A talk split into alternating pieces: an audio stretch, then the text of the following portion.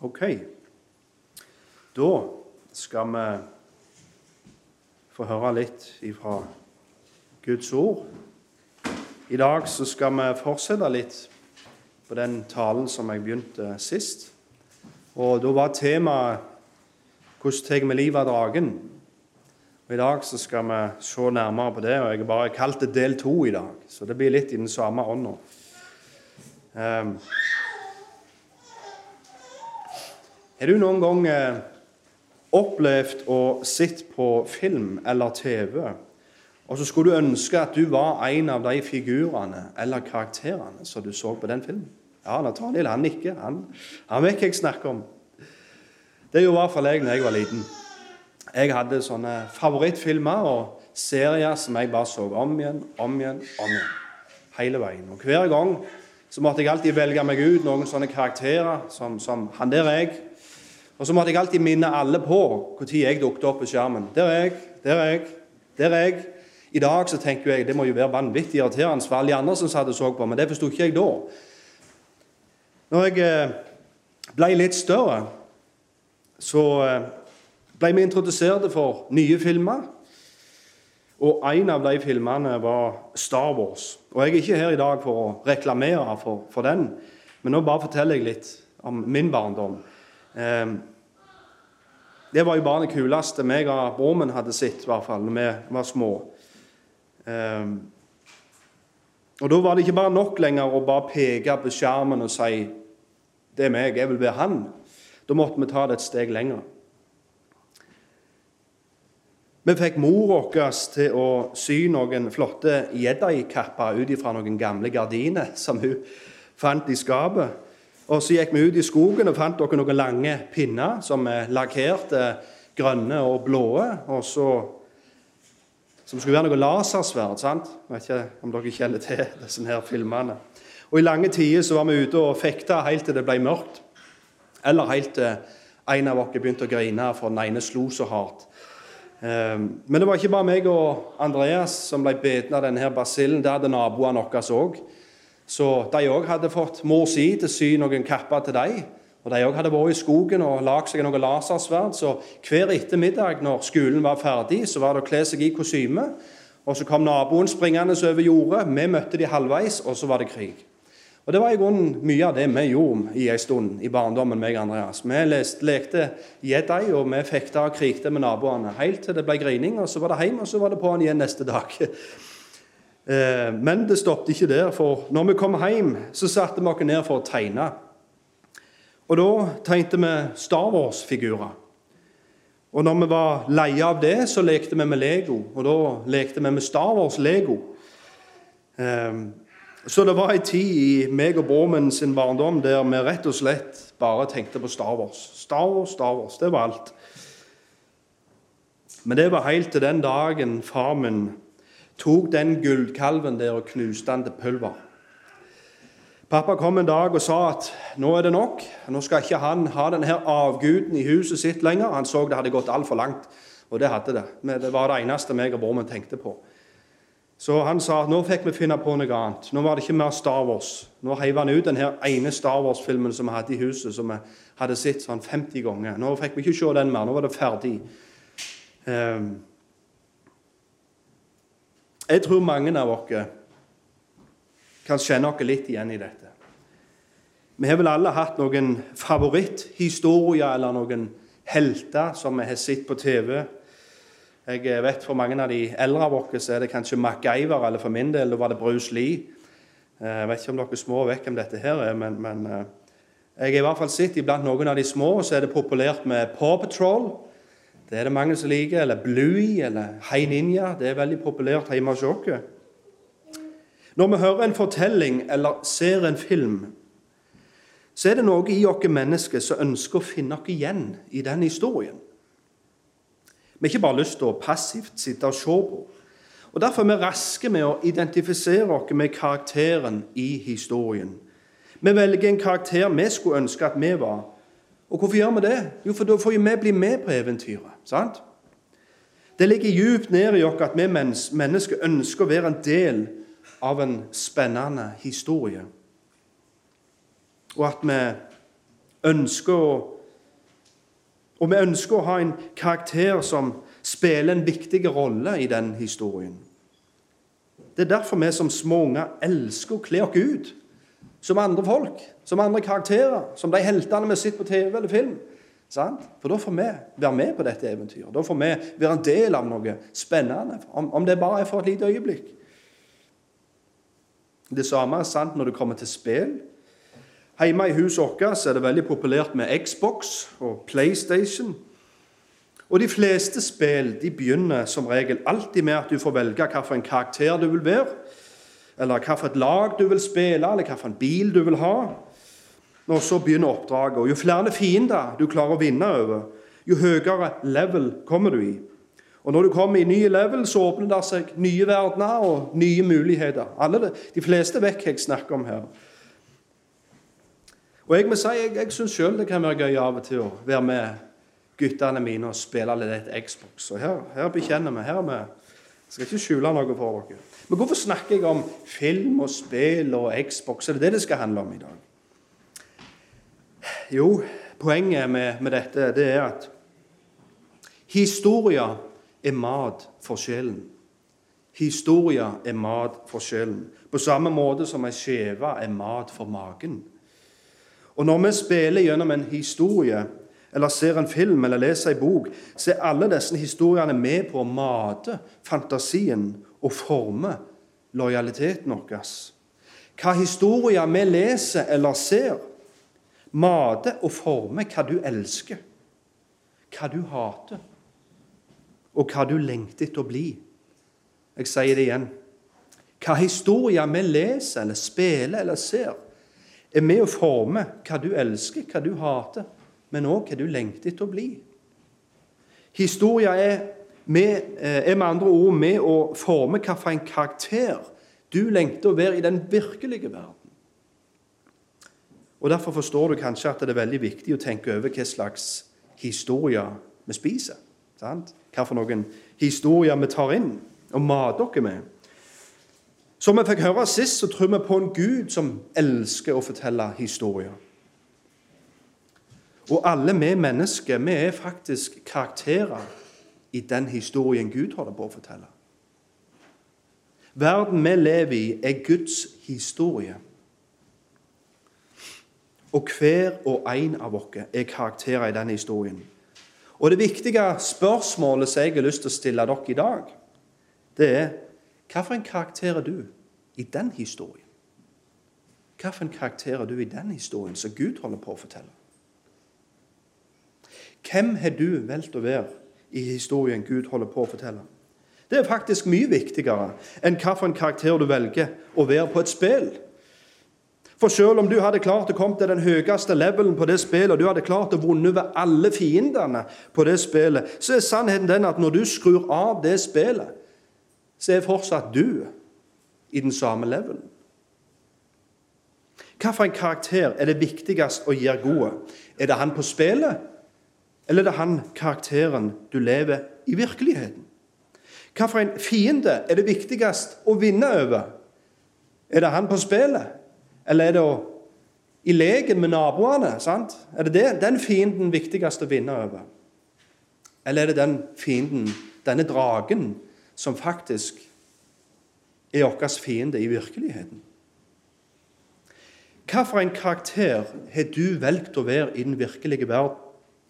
Hvis det skulle bli lagd en film av ditt liv, sånn som du lever akkurat nå Hvordan hadde da den historien vært? Og si alle du kjenner, skulle få bli invitert og skulle få komme på kino og se denne filmen. Hva ville de da sett? Ville du vært helten i den historien? Ville du vært en karakter som andre ville leke at de var? Ville folk begynne å kle seg ut som deg? Eller ville du vært en de ble skremt av? Når de gikk ut fra den kilosalen, så måtte de rikke pappa og mamma litt. Å, det var skummelt. Så du hvordan han der var? Sant? Så du hvordan hun der holdt på? Sånn vil ikke jeg gjøre. Sånn vil ikke jeg være. Hvem er du? Hvilken karakter er du valgt å være? Er du helten, eller er du kanskje han her utakknemlige, sydete, klagete vennen av helten? Det er kun du som får helten til å se bra ut. Sant? Er du valgt han karakteren? Hvem er du i denne historien? Er du han som aldri var fornøyd? Hun som alltid var litt bitter og sint og misunnelig på søsteren sin? Er du han lille gutten som alltid skulle ødelegge egla lillebror? Er det han du er i den historien Gud holder på å fortelle? Hvilken karakter er du? Og hvis noen skulle kledd seg ut som deg og lekt at de var deg, hva måtte de gjøre da? Måtte de sprunget rundt og søte og klagt og ødelagt for folk hvis de skulle hermt etter deg? Hvilken karakter er du valgt å være i den virkelige verden? Hvis folk skulle late som de var deg, og sprunget ut på jorda og lekt at Nå er jeg han her. Hvordan hadde det sett ut? Hvordan hadde det sett ut? Måtte de sprunget rundt og ødelagt alt som var da? Rasert som en tornado, alle legene?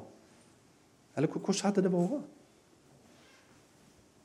Om ikke livet ditt kommer til å bli gjort til en film en dag, så er du allikevel en karakter i den historien Gud holder på å fortelle. Og framfor deg så ligger det noen viktige valg. Og Det første valget er hva for et lag har du valgt å være på? Hva for et lag har du valgt å være på? Er du med på Jesus sitt lag? Er du med å, gjennom å tro på Jesus valgt å være på kongenes konge sitt lag? Eller er faktisk du en av de som er på dragen sitt lag? Som fortærer, ødelegger, akkurat sånn som han er kommet, kom for å gjøre. Hva for et lag er du på? Det er det første. Det er steg én. Sant? Det er der alt begynner. Vi velger lag. Og siden jeg kjenner dere så godt, dere som sitter her, så vet jeg svaret på det spørsmålet. Og det er at dere ønsker å følge Jesus. Og det er og Derfor så er dere på kongenes, konges sitt lag, og det er fantastisk. Det er der det begynner. Men da er det neste spørsmålet jeg vil stille dere i dag, det er OK, er dere da klar for kamp? Er dere da klar for kamp? For vi har en fiende. Sant? Dere har valgt laget, og nå begynner kampen.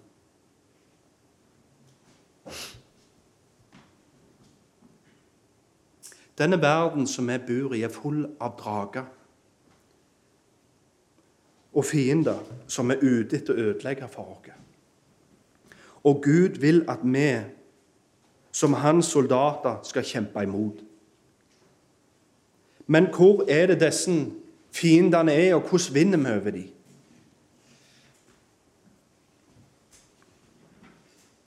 Jo, en av fiendene vi må begynne med, det er synden i vårt eget liv. Det er synden i vårt eget liv. For hvis vi ikke klarer å vinne over synden inne her, så vil vi ikke måle oss imot synden som er der ute, farene og fiendene som er der ute. Så det er her det begynner. Vi må ta livet av de dragene som er, som er her, hvis vi skal kunne klare å vinne over dragene som er der. Men må du kjempe denne kampen her helt alene? Er det sånn at dette her er noe du må klare helt sjøl? Nei. Og Da vil jeg gjerne lese fra Romerne kapittel 8, vers 12-13. Romerne kapittel 8, vers 12-13.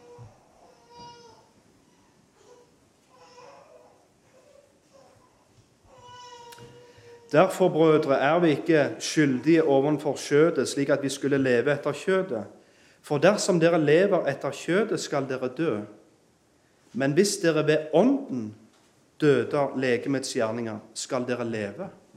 Så her er det en kamp. Kjødet, det er synden i oss, som hele veien vil lokke, dra og få deg til å gjøre det som er galt. Men vi har fått noe som skal hjelpe oss til å kjempe imot dette kjødet. Så det er derfor han sier enten så tar skjøtet livet av deg, eller så tar du livet av skjøtet. Så her er det enten-eller. Men hvordan er det vi skal ta livet av skjøtet? Jo, ved Ånden. Så vi, er blitt, vi som tror på Jesus Han har ikke bare sendt dere ut her alene og sier nå får du klare deg sjøl. Nei, han har gitt dere en hjelper, og den hjelperen er Den hellige ånd. og eh, Gud har gitt alle som tror på Han en hjelper, og denne hjelperen er Den hellige ånd. Og Han skal hjelpe deg med å ta livet av kjøttet og synden i ditt eget liv. Og en av måtene han gjør det, det er med å minne deg på sannheten fra Bibelen. Sånn at du kan gjøre sånn som Jesus gjorde. Jesus ble frista av djevelen i ørkenen. Husker dere det? Tre fristelser. sant? Ja, men det står jo at sant? du skal bare kunne slenge deg ut forbi toppen på dette bygget, så skal englene komme og ta deg. Og så sier Jesus, 'Har du lest? Du skal ikke friste Gud.' Sant? Så sier han, 'Hvis du bare faller ned og tilber meg, så skal du bli gitt alt.' Nei, det står i Bibelen at du skal kun tilbe Gud. Ser dere det, hvordan Jesus han kjente denne her. Og han brukte denne her som sitt sverd for å kjempe imot fristelsene. Og Sånn er det med oss òg. Av og til så kan vi kjenne på ah, den så fristende ut. Den, den skulle jeg likt å tatt. Nei, stemmer det. Gud er ikke en tyv. Og jeg er satt ned her på jorda for å være som han. Og da kan ikke jeg stjele. Altså, Denne tunga her er ikke min egen. Bibelen sier det at denne tunga her, det er akkurat som en liten flamme. og Hvis jeg bare lar den springe løp, så kan jeg sette fyr på en hel skog, akkurat som en liten flamme kan. Bibelen sier også at tunga mi er som et sverd. og Hvis jeg tenker over hvordan jeg bruker ordene mine, da er jeg akkurat som en liten gutt som bare svifter rundt med dette sverdet. Og hva skjer da? Jo, da kutter du fullt av folk. Da skader du de rundt deg, som du kanskje egentlig er veldig glad i. Sånn er tunga di. Tunga di er et sverd. Det er en flamme. sant? Og Hvis vi minner oss på hva Bibelen sier om tunga vår, hvordan vi skal bruke føttene, hvordan vi skal bruke armene våre, så kan vi gjøre akkurat sånn som, sånn Jesus gjorde i ørkenen. Når djevelen kommer fristende og sier 'Gjør det. Gå og ta det.' Så gjør vi som Jesus. Nei, i Bibelen så står det Jeg vet at Jesus har sagt, og derfor så gjør jeg ikke. Sant? Så det er en av de måtene Gud hjelper oss til å kjempe sant? med denne her. At vi spiser denne her. Vi gjemmer det i hjertet vårt, så de ordene er med oss overalt. Synd er noe vi må ta livet av. Ellers så vokser det og kveler alt annet i livet ditt.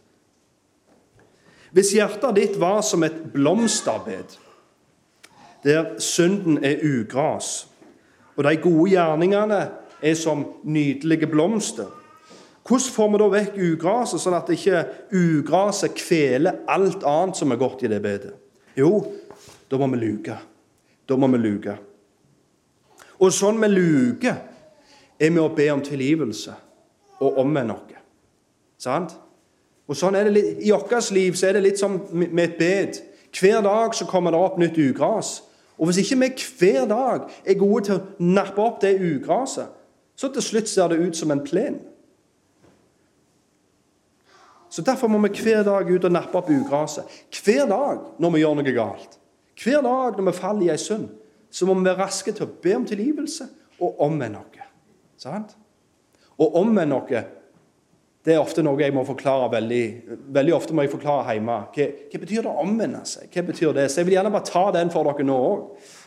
Og det jeg pleier å gjøre da, da pleier jeg å ta han Elias. Dere vet hvem det er. Da pleier jeg å smikke han litt på låret. Smikke, smikke, smikke på låret. Så sier jeg, 'Kan du tilgi meg, for jeg slår deg?' Kan du tilgi meg? Så sier han ja. Men du stopper jo ikke, sier han. Men hva er det som mangler da? Jo, hvis du ber om tilgivelse, så må du jo stoppe å slå. Ah, Så du sier jeg må omvende meg? Ja, så det, det det betyr. sant? Hvis jeg bare ber om tilgivelse, men ikke omvender meg, det betyr at jeg i grunnen ikke stoppet. Jeg var i grunnen ikke lei for det. Jeg har i grunnen ikke, vil, i grunnen ikke ha ugraset vekk fra hjertet mitt. Så Derfor er det ikke bare nok å si 'tilgi meg', men vi må faktisk vende noe vekk fra synden. Det er ikke nok å bare si 'Å, det var dumt, det var ugras i bed'. Vi må rive det opp. Og vet dere hvordan vi river opp det her synden? Når vi synder imot en bror, en søster, en mor, så er det ikke bare nok å si 'tilgi meg', men vi må slutte med det. Vi må vende oss vekk ifra det. Sant? Og Det er òg en av måtene vi tar livet av synd, tar livet av dragen. Be om tilgivelse og omvend dere. Og Det er ting vi må gjøre i heimen vår hele veien. Hele veien. Det går ikke ei uke uten at nesten alle i det husholdet måtte be om tilgivelse til hverandre. Men det er sånn vi kjemper. Det er sånn vi kriger. Det er sånn vi tar livet av synd. For hver gang vi ber om tilgivelse, så er det akkurat som at vi tar liv. Han får aldri tid til å vokse seg så stor at han bare dekker hele bedet. sant? Hvis vi lar være å be om tilgivelse det er sånn, Vi er sinte og sure i hjertet vårt, så bare legger vi oss, vi går opp i seng. Nei, jeg vil ikke snakke med dere, nå vil jeg sove. Så er det akkurat som blaut betong. sant? Blaut sement som får ligge og tørke helt til dagen etterpå. Så Derfor har vi en regel i heimen vår at ingen får lov til å legge seg før vi har ordnet opp med hverandre. Det er ingen syndige sement som skal få lov til å ligge der og tørke til dagen etterpå. Og til slutt så, og hvis det skjer gang etter gang etter gang, etter gang, ja, da blir til slutt hjertet vårt så hardt at da må det mest knuses for at det skal komme. Vi begynner på ny. Sant? Så for å vokte oss så må ikke hjertene våre bli så harde som sement, så må vi omvende oss og ikke la dette her bare ligge og ligge og ligge. Vi må rive det opp med en gang, akkurat som ugraset fra bedet. Eller så tar det over hele bedet vårt. Hele hjertet.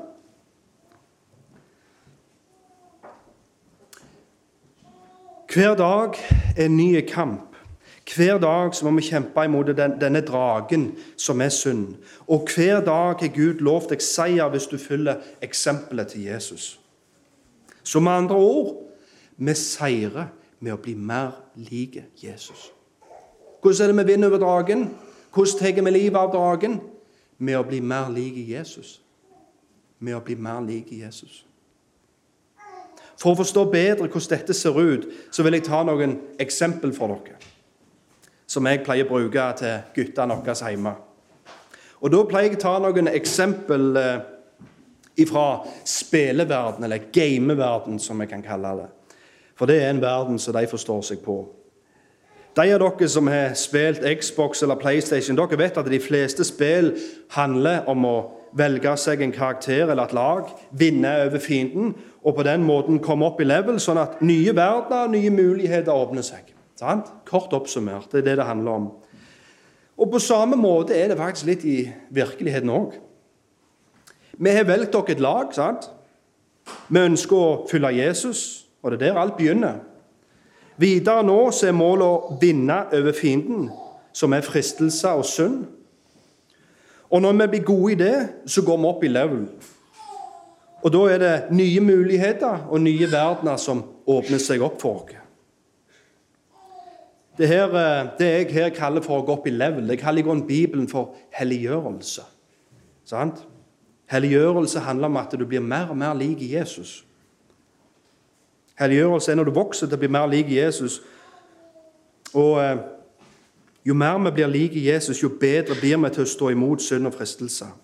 Hjemme hos oss har dette her blitt ei sånn ei interne greie. Guttene pleier å komme til meg flere ganger i uka og spørre hvor trenger jeg å levele hen. spør de meg. Hvor trenger jeg å levele hen? Hvilken drage det er jeg må ta livet av? Det er blitt sånn, det er et av de siste spørsmålene. Etter jeg lukket igjen døra, så hører jeg 'Håvard, kan du komme inn?' Så, så, ja, hva var det? Er det noen drager jeg trenger å ta livet av? Og så må jeg tenke litt. ja. Og Da pleier jeg av og til å si at jo, du trenger å ta livet av denne gretne dragen som får kontroll over deg hver morgen. Så Altfor ofte så kan det være litt sånn gretne drager som, som, står opp om morgenen. Eller du trenger å ta livet av denne misunnelsesdragen som har fått kontroll over deg nå. sant? Eller søppeldragen for det har kommet så mye søppel ut av munnen din i det siste. Sant? Du må ta livet av han der, for han styrer jo hele deg. Eller så sier jeg du trenger å levle litt i hvordan du bruker ørene dine, for i det siste så er du ikke klart å høre etter. Sant? Og Grunnen til de kommer til meg og spør, og spør meg om noen drager jeg må ta livet av, eller hvor jeg trenger å levele hen, det er for at de vet at når jeg ser at de har framgang, når jeg ser at de faktisk klarer å ta livet av disse her dragene, klarer å komme opp i level, om du vil, så er belønninga mer frihet. De får gjøre ting og kjøpe ting som de ellers ikke hadde fått lov til. Jo mer du som en gutt eller ei jente vokser eller levler, det i å styre deg sjøl, i å ha sjølkontroll, jo mindre trenger mor og far å styre deg. Og dette her er en hemmelighet. Jeg skulle ønske noen sa det til meg når jeg, ble, når jeg var liten. For jeg var litt sånn der Å, ja, men jeg vil bare gjøre som jeg vil. Jeg har lyst til å gå der. Jeg har lyst til å kjøpe den. Jeg har lyst til å gjøre sånn. Hvis noen hadde fortalt dette her til meg når jeg var liten, så tenkte jeg wow, da hadde det jo vært en ny verden. Jeg, for, for når jeg var liten, så følte jeg hvorfor må mamma styre henne? Hvorfor må hun bestemme? Hvorfor må far alltid Men nå har jeg funnet ut av det, og nå sier jeg det til dere små. Så dere trenger å vente helt til dere blir voksne. Hemmeligheten er den hvis du klarer å styre deg sjøl, så trenger ikke mor og far. Og da har du frihet. Ser du han? Så hvis vi ønsker å levele, hvis vi ønsker å komme videre og få, få flere muligheter, få, få, lov til flere ting, da må vi lære at vi klarer å styre tunga vår sjøl. Ellers må jo mor og far styre tunga. Da må vi lære oss å styre armene. Ellers må jo mor og far alltid styre hvor vi går og hva vi tar i. Da må vi lære oss hvordan vi styrer føttene våre, hvor vi springer og går og ikke går. For Ellers må jo mor og far komme og si det, og passe på hele veien. Ser dere den at jo mer du klarer å styre deg sjøl, jo mindre trenger mor og far eller noen andre rundt dere. Og vet du hva? Vi pleier å gjøre sånn hjemme. Lillefingen, det er det vi kaller for personlig myndighet. Det vil si, Gud har gitt alle mennesker en oppgave. Og det er du har fått i oppgave å styre deg sjøl og det som er ditt. Etter sånn som Gud har befalt. Den neste fingeren, det er familien. I familien er det òg en myndighet. En myndighet betyr noen som har fått retten til å styre. Så her er det en myndighet. Du har en myndighet. Du har fått retten av Gud til å styre. Sant? Styre over deg sjøl og styre over tingene dine. Etter sånn som Gud har befalt. Og så har vi familiemyndighet. Dvs. Si mamma og pappa har fått retten til å styre over det som er deres, og dere er deres. Og Derfor har de retten av Gud til å styre over dere. Så har vi menigheten. I menigheten der er det noen som har fått retten til å styre. Sant? Meg og Thomas. Vi skal styre over de som kommer her i forsamlinga. Vi skal rettlede dem, akkurat sånn som Jesus rettleder oss. Og så har vi den siste. Det er de sivile myndigheter. Det er kongen, det er statsministeren, det er politikerne, politiet. Sant? De skal styre over hele landet. Og vet du hva vi av og til pleier hjemme? Det er blitt ei sånn greie. Når ungene blir litt ustyrlige og springer rundt, vet du hva jeg gjør da? Da gjør jeg sånn viser jeg lillefingeren min. Og det betyr ja, ja, stemmer det, stemmer det, jeg må styre meg sjøl. For ellers så kommer jo du og må styre meg. Sant? Ser dere den? Og hvis du har lyst til å ha mer frihet her Du vil ikke at denne her skal styre denne her. Du vil ikke at mor og far skal si 'Ikke ta den, ikke gå der, ikke ta på det, ikke spis den, ikke rør, ikke ta, ikke spis'. Sant? Hvis du vil styre disse tingene sjøl, da må du levele her. Da må du levele her så vet jeg jeg oppfordrer dere små til å gjøre. Begynn å gjøre dette. Gå og spør mor og far hvor trenger jeg å levele hen. Om jeg trenger å levele litt i ørene mine, om jeg trenger å levele litt i munnen min, om jeg trenger å levele litt i hvordan jeg holder på Hvor trenger jeg å levele? Noen drager det jeg må ta livet av, sånn at jeg kan få mer frihet? Sant? Sånn at jeg kan styre meg sjøl, og dere slipper å styre meg for meg. Sant? Akkurat robot. Pinocchio. Sant? Styrer alt. Sant? For med en gang han får gjøre som han vil, så stikker han av av gårde. Sånn er vi litt når vi er små. sant? Men derfor oppfordrer jeg dere, for jeg vet at alle unger de er sånn at åh, hvis jeg bare kunne fått lov, så ville jeg at Sånn og sånn og sånn. sant? Men grunnen til at vi ofte ikke får lov, det er at hver gang vi får litt sjansen til, hver gang vi får litt frihet, så misbruker man. Akkurat som Adam og Eva i hagen. Sant? Og Gud sier 'spis av alt', men bare ikke det. Og det første de gjør, er å springe bort og ta det de ikke skulle. Men hva skjedde da? Da ble de hevet ut av hagen. Sant? Og sånn er heimene våre er som hager. Sant? Hvis mamma og pappa gjør en god jobb, så har de prøvd å lage heimen til en hage. Og da er det ikke tusen lover som du ikke skal gjøre. Hjemme hos oss er vi bare én bud. Vis respekt. Sant? Vis respekt. Det er budet. Det er treet sant? som en ikke skal tulle med. Og Hvis de klarer å la være å ta i det, da kan de ete av alt. Da kan de spise av alle ting. Sant?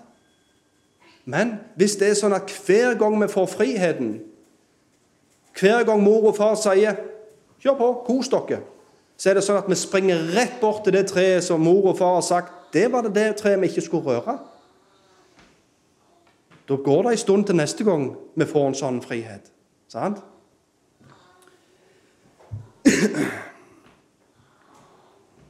um, ja, det kan være gøy å spille eller se på film. Og ja, det kan være gøy å leke at vi er de karakterene vi ser på skjermen. Men husk, den viktigste karakteren, det er den du lever i denne virkelige verden. Og jeg vet, dere små, jeg vet det kan være vanskelig her. Når du setter deg ned for å spille et spill, så er det sånn at du kommer opp i level, og du kan komme til toppen bare på en halvtime. Så har du klart å kjøpe deg et hus, du har klart å få fem biler, og så er du klart å vinne 20 fiender. Og så har du fått tøffeste sverd.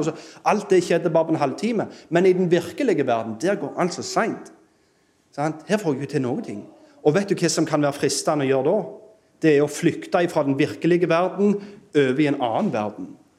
Og Det er det mange av disse spillene her er. Mange av disse spillene det er en måte der du kan flykte. Sant? Og så kan det være at du er ufattelig dyktig i dette spillet. Der mestrer du alt. Men det hjelper ikke noe. Gud vil at du skal mestre den verden og denne historien som han har satt deg inn i, som, som er denne. Dette ekte livet, virkeligheten. Her vil Gud at du skal mestre. Her er det drager som trengs å ta livet av. Sant?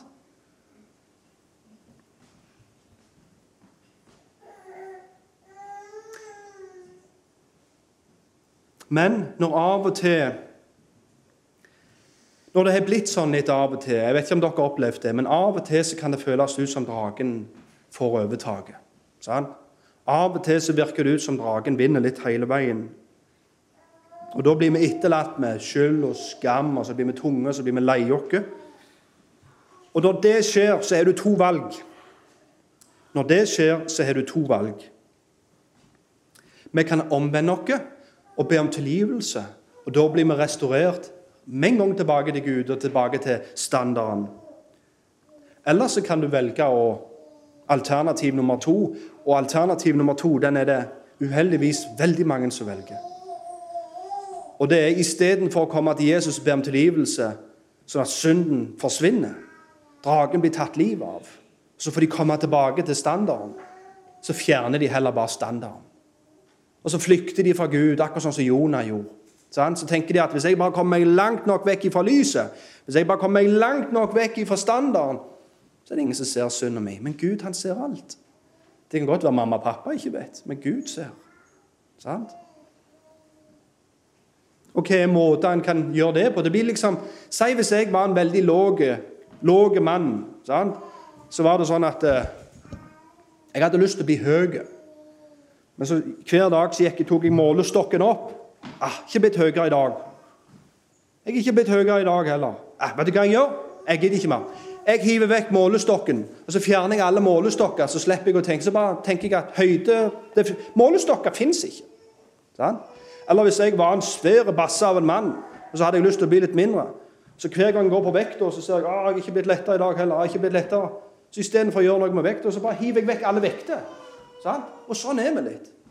Når vi ikke får til, istedenfor å komme til Jesus og si jeg trenger hjelp, istedenfor å komme til Jesus og si jeg omvender meg, så er det heller sånn at Nei, den her er det noe galt med. Bibelen, det er teit. Få det vekk. Be om tilgivelse. Å, jeg klarer ikke. Få det, jeg gidder ikke. Ha det. Springer. Det er akkurat som Jonah. sant? Når Jonah fikk en beskjed av hva han skulle gjøre av Gud, istedenfor å gjøre det Gud befalte, til han ah, jeg stikker. jeg springer vekk. Jeg gjemmer meg. Og sånn er vi så ofte. Istedenfor å komme til Jesus, han står klar og sier 'Kom til meg', så skal du få tilgivelse. Kom til meg. sant? Så er vi det at Nei, jeg springer. Men du så hvordan det endte med Jonah. Gud han kom og hentet han tilbake igjen. Og man tenkte ja, ute på sjøen er det ingen som kan ta meg. Så sender Gud en fisk og sluker han. Sant?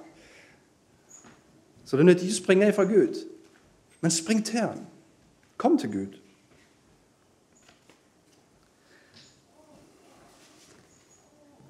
Målet til oss foreldre er ikke bare å få ungene våre til å følge standarden. Men målet til oss foreldre er å få dem til å elske den.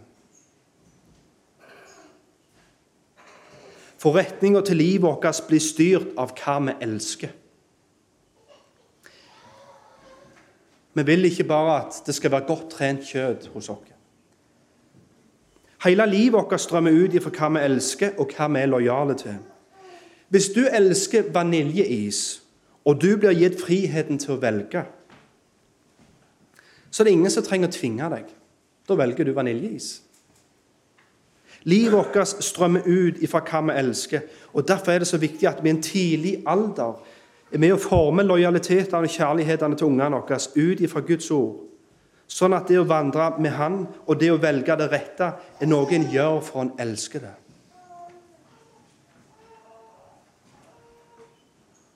Som jeg begynte med å si, så er vi mennesker skapt sånn at vi lengter etter å være en del av en spennende historie. Og, en, og de historiene vi forteller til ungene våre, med å forme hvilken karakter de lengter etter å bli.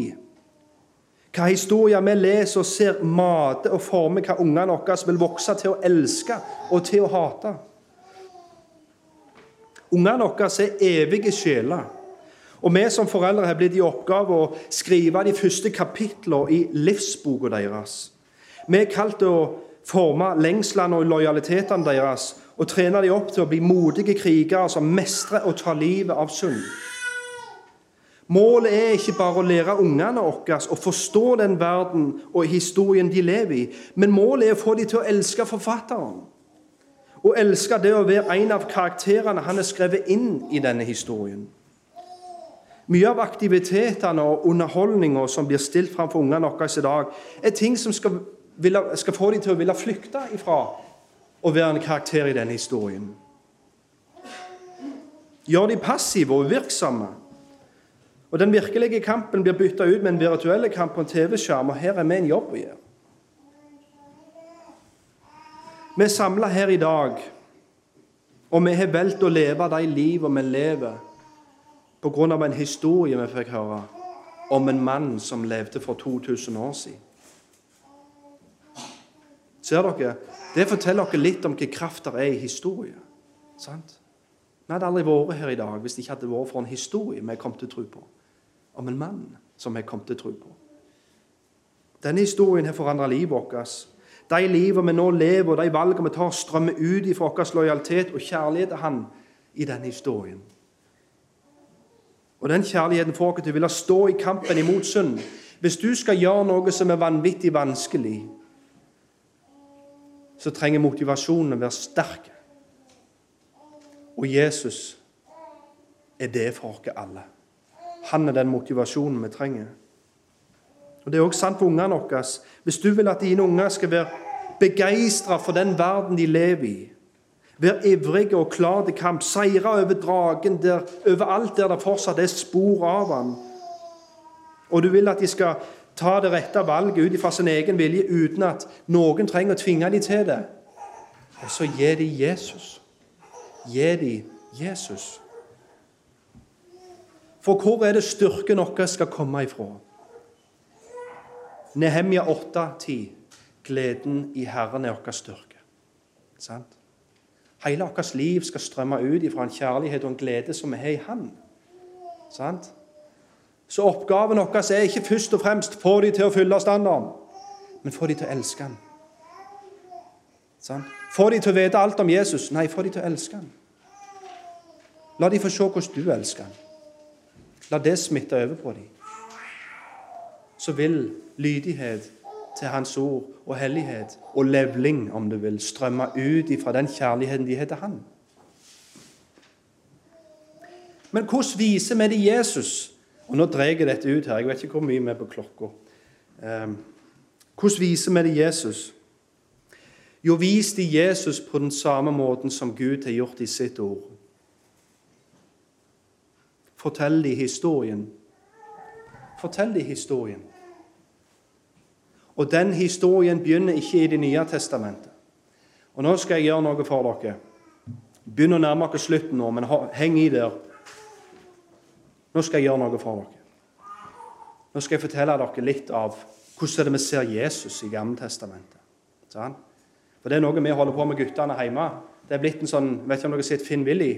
Eh, er det ikke det han heter? han? Den røde og hvite mannen som vi ser fullt av folk, og så skal du finne Willy. Og Litt sånn er det òg når vi går gjennom Bibelen med ungene våre hjemme. Så er det, hvordan er dette et bilde på Jesus? Eller hvordan er det denne historien her forteller evangeliet? Eh, Emmausvandrerne. Når Jesus etter han hadde stått opp igjen fra de døde, så traff han på to mannfolk som var så lei seg for at Jesus hadde dødd. De trodde han var Messias, de trodde han var kongenes konge og han som skulle komme og redde dem. Men han døde jo, så derfor så, så var det ikke sant. Men hva var det Jesus gjorde? Jesus gikk gjennom Gammeltestamentet, fra Moses, profetene, salmen. Han, han, viste jo at alle de bøkene der snakket om han. Gamle testamentet fortalte om Jesus. Og på den måten så åpna han øynene deres og sa wow. Og det er litt det vi òg trenger. Vi trenger å få se Jesus på den måten. Og Da vil jeg ta noen eksempel for dere. Vi kjenner alle historien om Josef, gjør vi ikke det? Josef som kom til sine egne. Sant? Han var en del av brødrene og søstrene sine. Sant? Han kom til dem og ville være, være, være iblant dem og være av dem, men brødrene hans forkasta ham. Sant? De forkasta ned i en brønn, de ville ta livet av han der. Og Han ble sendt inn til slaveri i Egypt. Og hva var det som skjedde? Jo, Gud brukte det vonde der. Altså, Brødrene dine forkaster deg. De vil ta livet av deg. Men så brukte Gud det vonde der. At det at han ble forkasta, førte til at Josef ble den mektigste mannen i hele Egypten. Og så ga Gud Josef denne her drømmen. sant? Farao drømmen, og han tolka den, som gjorde at han klarte å legge opp mat som skulle gjøre at de kunne klare seg gjennom hungersnøden. Ser dere hvordan dette her er et bilde på evangeliet? Jesus han også kom til sine egne. Jesus ble forkasta av sine egne. Så denne brønnen som Josef ble hevet i, det er akkurat som korset. sant?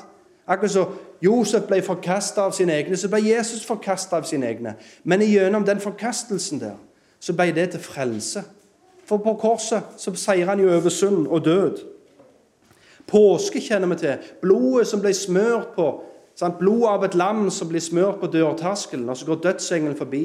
Det er et bilde på Jesus sitt blod. Når vi tar imot han, så har vi blitt fri i døden. Sant? Da han tok straffen på seg, så vi kan gå fri. Eh, og Egypten Egypten som er et bilde på det slaveriet til synd og til Satan. Ørkenvandringa er et bilde på det livet vi lever nå. sant? Mens det lovede land er et bilde på himmelen, der vi alle er på vei. Moses han, var, han fikk ikke lov til å lede jødefolket inn til det lovede land, men Josva fikk. Hva er det et bilde på? Josva er et bilde på Jesus, og Moses er et bilde på loven. Så Josfa var det som skulle lede dem til det lovede land, ikke Moses. Med andre ord, vi kommer ikke til himmelen med å fylle alle budene, men vi kommer til himmelen med å fylle Jesus. Sant? Eller når de ble bedne av slangene i ørkenen. Og så, sant? Og hva er det vi alle har blitt? Vi har alle blitt bedne av denne slangen, dragen som vi snakker om. Hvordan tar vi livet av dragen? Jo, vi har alle blitt bedne av denne dragen. Det er synden i oss. sant? Og Det var det som skjedde med jødene òg i ørkenen. Men så sa Gud han skal løfte denne slangen, en kobberslange opp på en pinne. Og når alle ser på denne kobberslangen, så skal gifta forsvinne. Og Det er et bilde på Jesus. Når Jesus hang på korset, så tok han på seg den synden, den giften. Og når vi tror på han, så blir vi tilgitt deres synd. Et annet tilfelle med Moses i, uh, i ørkenen når uh, jeg vet ikke om dere har lest den historien når Moses og israelsfolket kriger imot en fiende her. Så må Moses stå på toppen av fjellet, og så må han holde hendene sine sånn. Og så lenge han holder hendene sine der, så seirer de over fienden. Hva er det et bilde på? Det er et bilde på Jesus. En dag skulle det komme en, og når han løfta hendene sine opp på det korset der, så skulle den virkelige fienden bli beseira. Hvem er Samson? Dere kjenner han, sterkeste mannen. Han gikk bort til Filisterborg, og så tar han portene til Filisterborg og rykker de opp, tar de på skulderen, tar de med seg. Hvem er det et bilde på? Det er et bilde på Jesus. Han sier, 'Helvetes porter skal ikke seire over dere, ikke over mitt folk'. Jesus med sin døde oppstandelse røsker opp de portene til helvete. Så røsker opp festningeborga til Satan og sier, 'Nei, ut, på tide du er ferdig her når det er jeg som kongen. Nå er det blitt gitt meg all makt i himmel og på jord. Og ta et annet bilde av Samson. I hans død så tar han livet av mer fiender enn det han har gjort gjennom hele sitt liv. Ser dere at det er et bilde på Jesus? Når Jesus hang på korset og gjennom hans død Det var da han tok livet av den virkelige fienden. Ser du hvordan Samson sin død er et bilde på Jesus sin død? Og sånn er det så mye av. Ta Moses når han tar staven sin og slår på klippen, og så kommer det vann ut. Hvordan er det et bilde på evangeliet? Gå tilbake jeg tror det er 2. Mosebok 17 og les den historien. Vet du hva det står? Gud sier Jødefolket de syta, de klagde. 'Å, vi tuster, vi vil ha vann.' Vet du hva Gud sier til Moses? Han sier, 'Ta staven din, som du brukte til å slå på, slå på Nilen med. Og hva skjedde da? Jo, det ble til blod. Det er det der står. Ta staven din som du brukte når du slo på elva, så det ble til blod. Jeg skal stille meg framfor deg der med den klippen, og så skal du slå klippen. Og så spør jeg guttene mine hjemme hva skjer når noen stiller seg rett framfor deg, og så får du beskjed om å slå med en stav? Hvem treffer du da? Jo, du treffer jo, treffer jo Gud. Ser dere hvordan det er et bilde på evangeliet? Du ser det. Når Jesus hang på korset, så står det det i Jesaja 53 det var etter Herrens velbehag å knuse han. Denne staven til Moses er et bilde på Guds dom. Og Gud sier det, 'Jeg skal stille meg framfor deg der med klippen.' 'Og du skal ta denne staven som et bilde på Guds dom, og du skal slå klippen.' 'Og når du slår klippen, så skal det strømme bekk av levende vann ut.' Det er et bilde på Jesus. Jesus ble knust. Guds dom kom over Jesus på korset. Og der ble vår synd straffa. Der ble vi straffa i Kristus. Og pga. det så strømmer det nå evig liv til alle oss som vil tro på ham. Så til dere foreldre vis ungene deres Jesus. La de få se han gjennom hele Bibelen. Men ikke bare i Bibelen. Vis de til han gjennom hele skaperverket. For denne død oppstandelsen-historien den er fletta inn i hele skaperverket. Nå, er det vinter. sant? Sommer, vår, høst og vinter. Det er òg bare Gud som ikke klarer å la være å fortelle evangeliet. Hele skaperverket dør. sant? Alt visner, og så står det opp igjen. Sant? Det er et bilde på evangeliet. Når du legger deg ned til å sove, det er òg et bilde på en død. Og så står du opp igjen. Og så er du ny kraft, akkurat som du er blitt herliggjort. Sant? Død oppstandelse. Og når vi f.eks eter mat, vi eter et godt kjøttstykke Den dyret der måtte dø for at det igjen, det kjøttet der kunne gi deg liv. Død oppstandelse. Hele skaperverket, hele denne boka her forteller historien om Jesus. Og det er den vi trenger å se og forstå.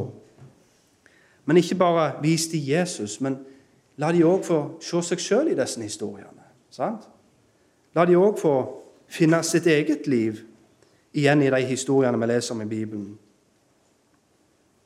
Og da herfor, Som vi leser i 1. Korinterne 10, at alt dette er skrevet ned til oss for at vi skal ta lærdom. Um, jødene som syta og klagde og var misfornøyde og utakknemlige i ørkenen Ja, der, jeg ser ikke bare Jesus når jeg leser Bibelen, jeg ser òg meg sjøl. vi trenger òg å vise det til, til ungene våre. Ikke vær som jødene i ørkenen. Du så hvordan det gikk med dem. Vis dem hva som skjer hva, hva enden av avgudsdyrkelse Vis dem hva misunnelse fører til. Vis dem hva løgn fører til, ut ifra historiene i Bibelen. La disse bibelhistoriene være linser som de ser alle andre historier, og så de ser sitt eget liv igjennom. Å krige imot synd og dragen hardt arbeid. Å vokse i hellighet krever offer. Og for å klare å stå i disse kampene og komme seirende ut på andre sida, så må det rett. Eh, så må det å velge det rette være noe vi gjør for vi elsker det. Med andre ord viljen til å ta rette valg og styrken til å stå i kampen må strømme ut ifra vår kjærlighet og lojalitet til Jesus. Og vi som foreldre og menighet er de som har fått i oppgave å vise dem Han. Vi seirer med å bli mer lik Jesus. Vi vinner over dragen med å bli mer lik Jesus. Og når vi er blikket festet på Han, så vil vi bli formet til mer og mer likhet med Han. Fra ett nivå av herlighet til et høyere. Fra en level til en annen. Sant? Det er sånn vi levler. Vi har blikket festet på Han. Vi har Han som et forbilde. Vi spør oss sjøl hva ville Jesus gjort. Og med det så vil vi bli gjort mer og mer i stand til å seire over dragen. Historia er mat for sjelen. Og hvis ikke du mater ungene dine, så vil andre gjøre det. Hvis ikke du mater ungene dine, så vil andre gjøre det. Så mat dem med de gode historiene. Og la det være den historien Gud forteller, som får være med å forme lojalitetene, kjærlighetene og karakteren deres. Filtrer alle historier gjennom Guds historie. La dine unger bli smitta av din kjærlighet til standarden og til Jesus. Mal Han framfor dem gjennom ord og gjerning. Amen.